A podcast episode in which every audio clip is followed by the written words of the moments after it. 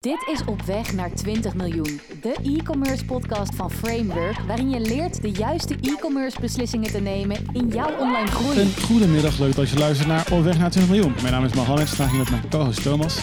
En tegenover ons naast ons is Timo Wievering, medeoprichter van letloket.nl. Uh, Timo, welkom. Ja, welkom, dankjewel. In de studio, wij zijn hier niet uh, in het Rotterdamse, maar in, uh, in Hengelo. Dus een stukje rijden voor ons. Dit is voor jou de thuisbasis. Uh, Timo, uh, kun jij jezelf allereerst even introduceren? Wie ben jij? Wat doe je bij Letloket? Wat doet Letloket? Ja, mijn naam is uh, Timo Wieverink, zoals je zei. En um, ik ben mede-eigenaar, oprichter van Letloket. Ik doe het samen met een broertje van me en een kameraad. Um, ja, we zijn een aantal jaren terug gestart eigenlijk als ja, grap in de kroeg. um, naast het werk. en zijn nu eigenlijk sinds een anderhalf, twee jaar... ja, zijn we echt fulltime ermee bezig. Um, ja, en wat mijn taak daarin is, is eigenlijk uh, finance HR, inkoop. Uh, en op dit moment een stukje e-commerce kijken van ja, wat voor landschap hebben we en waar uh, willen we naartoe. En, en dat is het onderwerp van vandaag. Het is heel simpel. Uh, vanaf startpunt tot waar jullie nu staan. Het ondernemersverhaal. Hoe groei je een e-commerce bedrijf vanaf het, het, eerste moment. Waar beginnen we Thomas? Ja, nou ik, ik, ik denk dat Timo dat straks verder nog veel beter kan vertellen. Maar waar beginnen we? Wat we vaak zien is dat we beginnen bij een webshop. Dat, dat, nou eigenlijk één stap daarvoor natuurlijk nog maar bij het idee. Timo geeft net aan, wij hadden het idee vanuit de kroeg. Ik denk dat het heel veel ondernemers zo, zo zijn gestart. Wellicht straks nog heel eventjes tijd om, om dat idee verder toe te, toe te lichten. maar dat zie je vaak. Hè? We beginnen bij een, bij een, bij een idee en we, we doen dat doorvertalen naar iets digitaals. Dat is vaak een webshop. En naarmate je verder doorgroeit, komen er allerlei verschillende systemen aan, aan te pas. Met name om die groei uiteindelijk vorm te kunnen geven. En ik denk dat dat ook het onderwerp is waar we vandaag met elkaar over, over babbelen. Want het alleen maar aansluiten van systemen, wat we ook in onze voorbespreking hadden met Timo, leidt uiteindelijk in die reis tot, tot zeker ook wel wat, wat, pijn, wat pijnpunten. Dus, ehm, nou, ik, dus ik, wil eigenlijk eerst even nog even terug naar jou, Timo, om de vraag te stellen. Hè? uit de kroeg, of eigenlijk in de kroeg, ontstaat zo'n idee. Ontstond dat idee, zeg maar, toen ook de wetgeving rondom de, de ledverlichting kwam? Of was dat eigenlijk helemaal niet daar te zaken?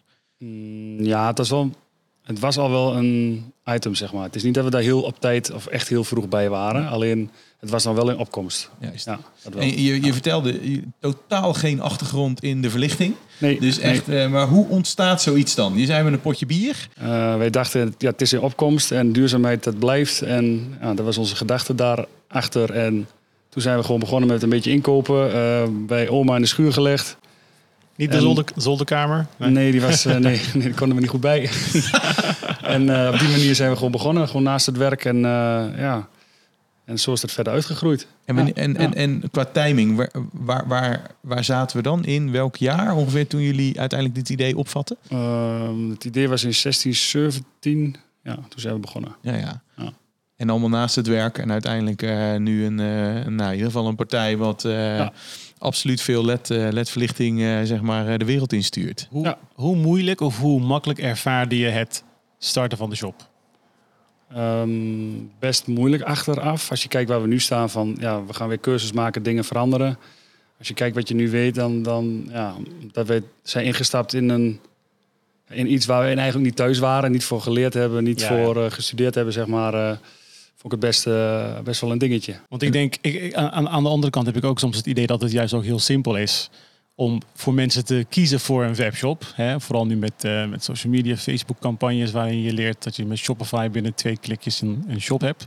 Maar inderdaad, als je er eenmaal mee start, het is veel meer dan alleen maar even een shop live zetten. Ja, je hebt de shop, maar ook alle processen daarachter. En ja, dat is natuurlijk, uh, je kunt wel veel bestellingen binnenkrijgen, maar ze moeten ook de deur uit en de mensen moeten tevreden zijn.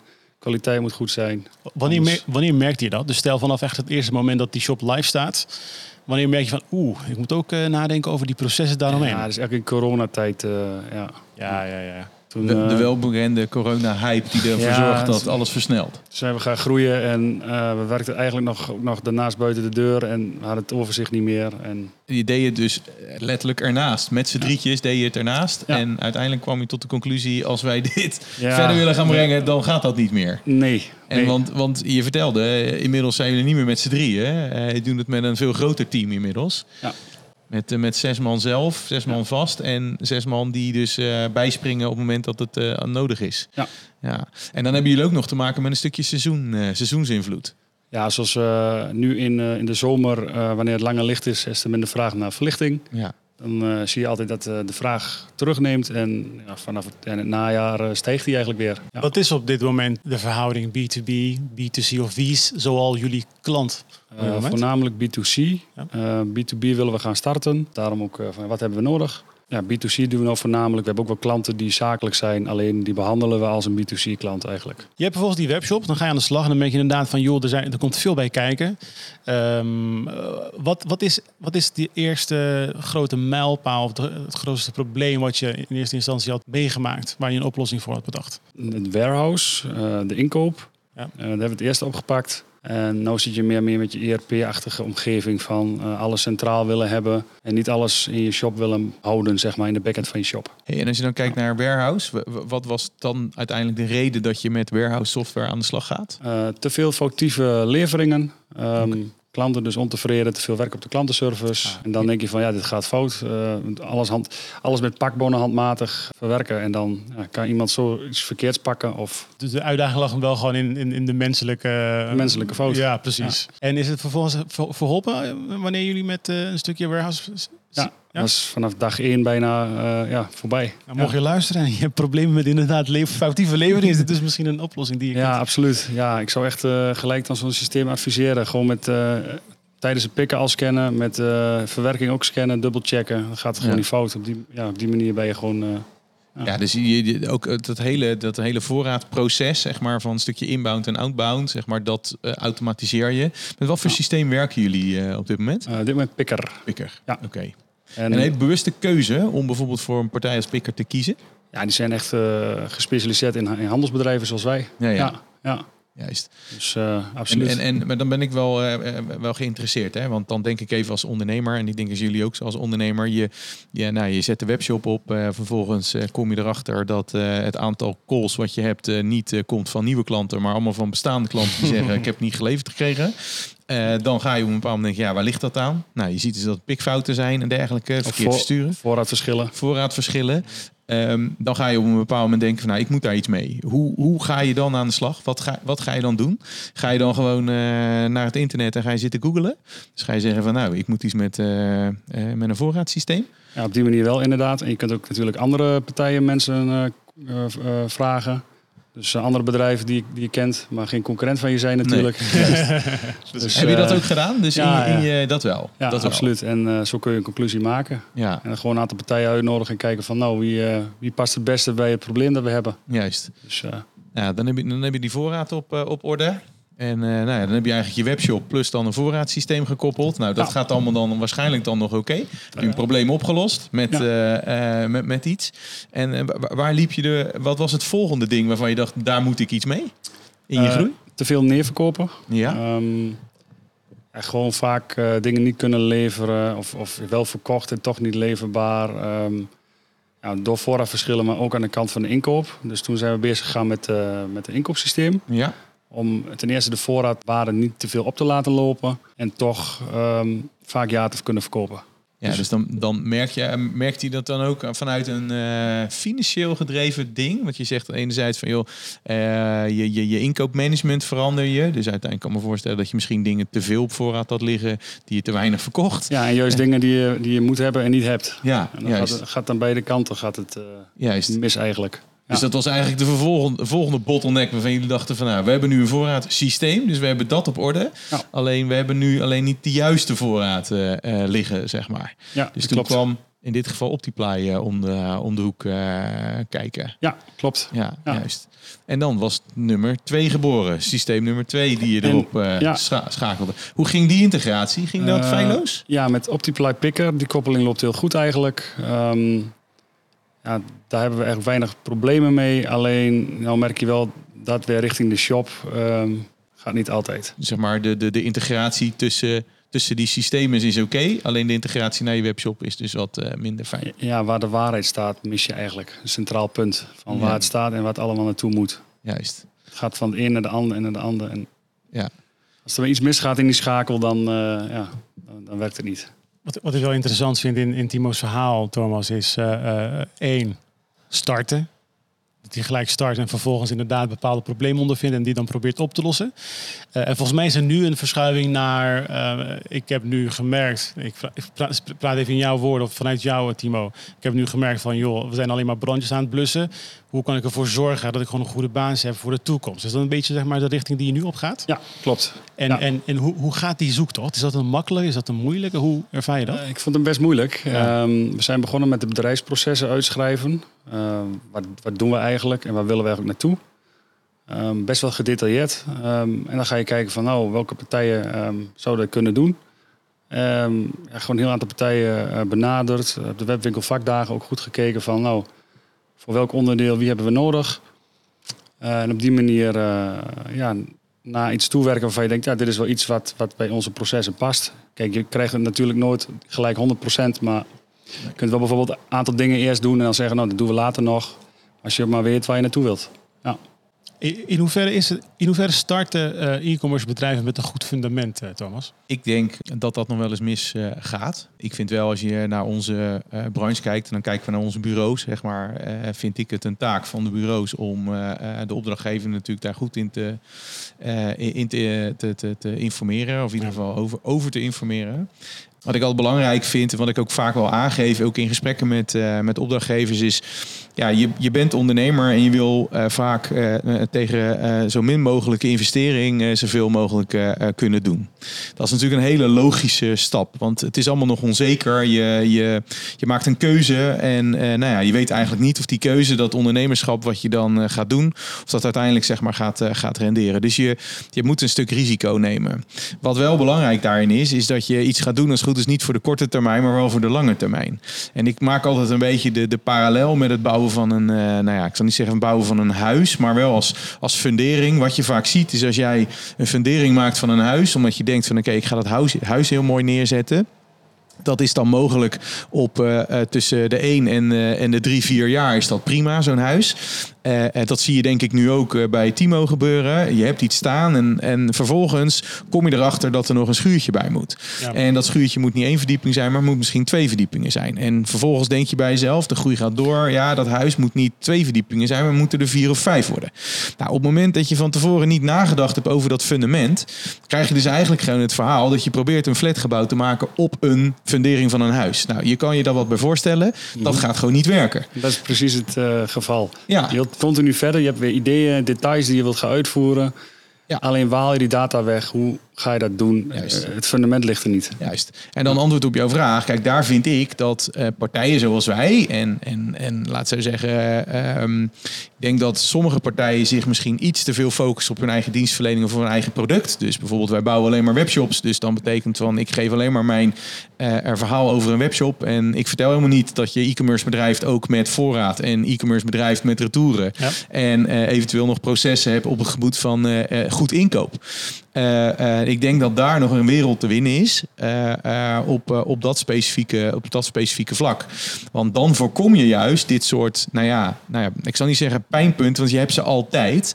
Alleen je wil voorkomen dat je ze al zo vroeg in je proces krijgt. Dus dat je op een bepaald moment, um, je, je, je loopt tegen een probleem aan, je gaat dat oplossen. Dat is heel ondernemend denken. Dat is wat, wat Timo net denk ik ook vertelt. Van joh, ik heb een, een webshop, ik moet iets met voorraad, ik koppel iets van voorraad. Dus ik heb een probleem en ik heb hem gelijk weer opgelost. En zo heb je dat in de afgelopen jaren een aantal keer gedaan.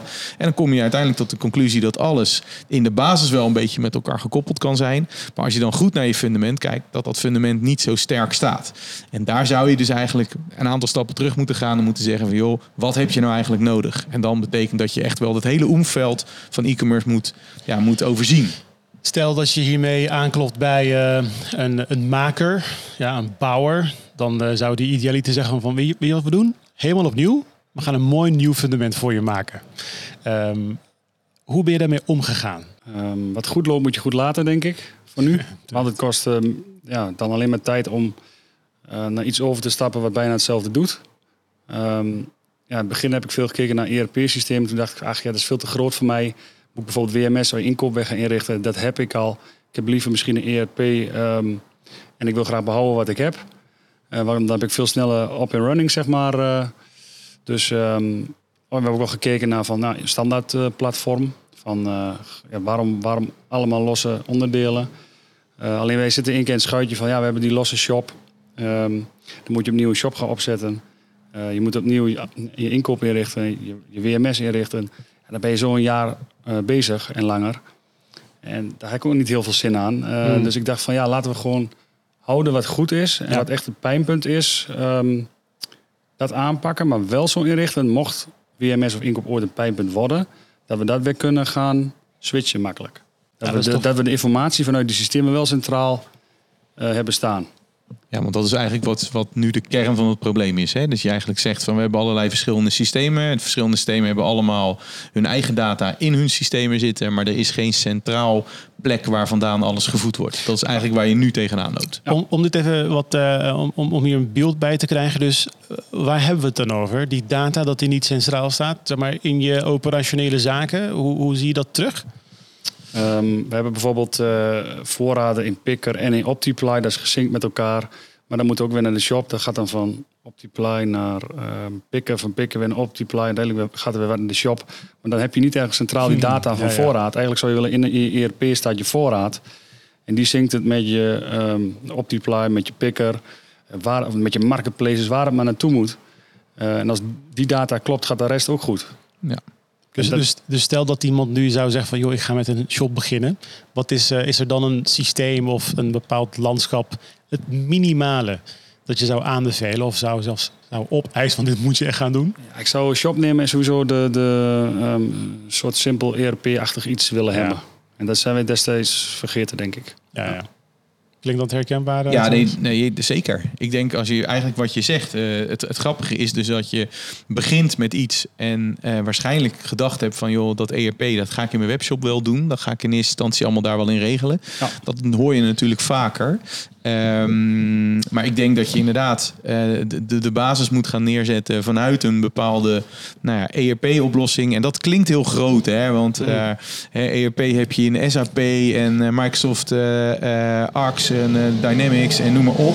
Dat zijn helemaal hele grote systemen en heel kostbaar, zeg maar. Maar er zijn ook echt wel, eh eh nou, zijn bijna low-profile ERP-systemen waarin je gewoon de basis hebt die, eh, eh, die Timo nu op dit moment nog mist. Ja, dat, En- dat idee had ik dus ook van... ehm, een ERP is heel erg groot. Je moet ehm, je WMS daarin doen. Je moet je inkoop daarin regelen. Je moet alles in je ERP en zelf weer in gaan richten. Zelf weer bedenken. Ja, dacht ja. ik in het begin, maar dat is helemaal niet eh, Nee. het geval. Nee.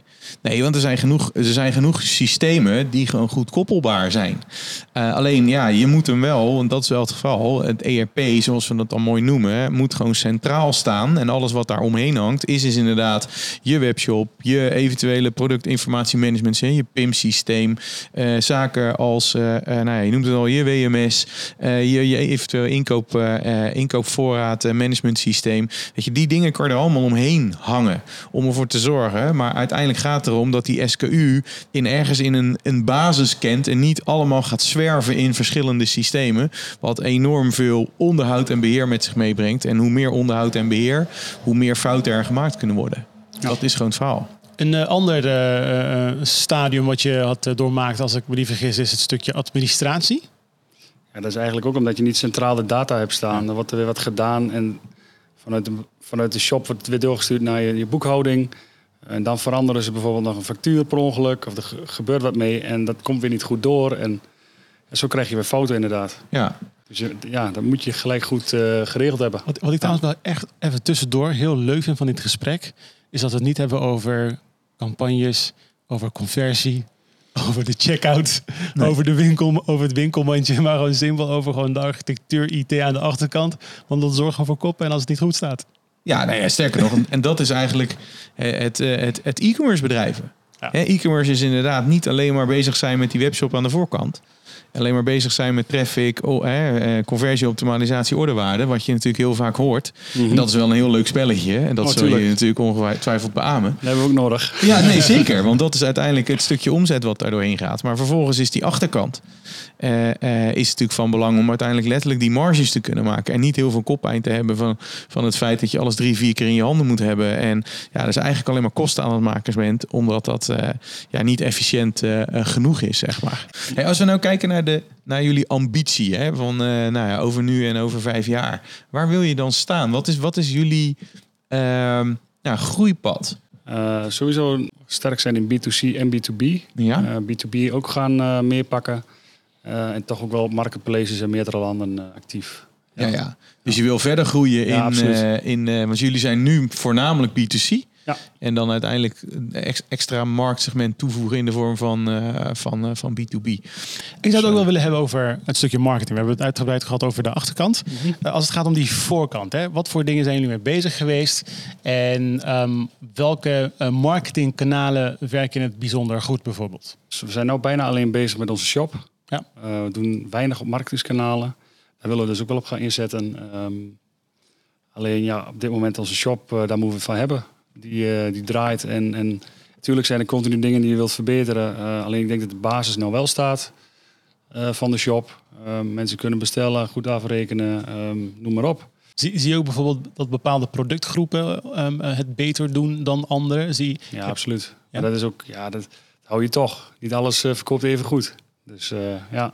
ja, we hebben het wel zo ingericht van producten die wij eigenlijk niet, eh, nieuwe producten gaan we niet gelijk grootschalig op voorraad leggen. Gaan eens kijken hoe het loopt, hoe het verkoopt. En dan via Optiply krijg je goede adviezen. En dan heb je voorraad. En we hebben echt eh, toen met Optiply wel ja, ook dingen weggegooid en gezegd van oh, we gaan wel iets in een andere ehm, ja, richting in. Niet gelijk, eh, ja, we gaan dit plaatsen op onze shop, we kopen direct wat in en we zien wel hoe het loopt. Hey, tijdens de webwinkelvakdagen is hebben we daar ook al heel kort eventjes bij stilgestaan. Hè? Volgens mij, ik, ik heb ze nu niet paraat hoor. Ik had ze wel paraat moeten hebben natuurlijk. Wat waren toen de cijfers? Dat jullie, eh, want jullie eh, gingen inderdaad minder voorraad, maar uiteindelijk wel meer, meer om. Wat, wat, was, wat waren, waren die mooie klinkende cijfers daarvoor? Ja, volgens mij is van 35% groei, 40% groei en dan eh, ook zo eh 25, 20% minder voorraadwaarde Ja, in een juist. jaar. En voorraadwaarde, hoe definieerde je dat? Van de waarde, inkoopwaarde. Gewoon ja, juist. Dus gewoon wat je letterlijk in je magazijn hebt liggen, Ja, zeg maar. min- minder voorraadwaarde liggen en toch 35, 40% groeien. En waar, waar zat dat dan met name in? Wat, wat dus ehm, ehm, even eh, gewoon... net, net wat ik zeg, waar geen vraag naar is, heb je niet liggen. Nee. En eh, toen waren ook heel veel dingen waar, waar wel vraag naar was, niet voldoende liggen. Omdat je niet Ja. precies weet van ja, wat moet Ja. dan?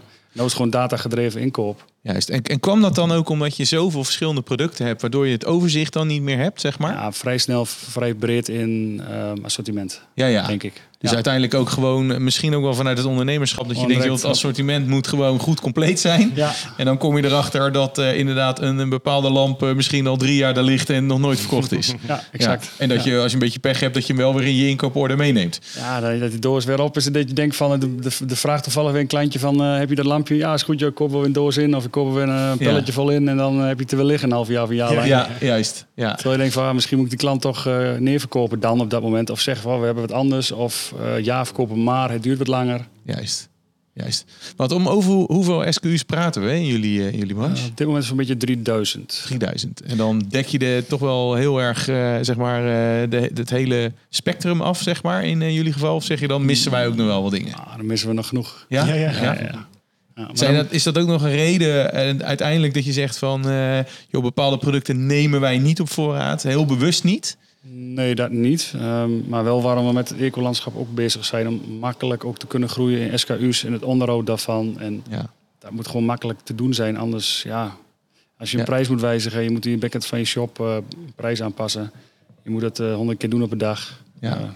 Dus ook daar ingegeven, dus dat je zegt als je dus eh, het feit dat je nou ja, veel handmatig werk moet doen, heeft er eigenlijk in jullie geval ook voor gezorgd dat je bijvoorbeeld je assortiment niet zo explosief hebt kunnen laten stijgen.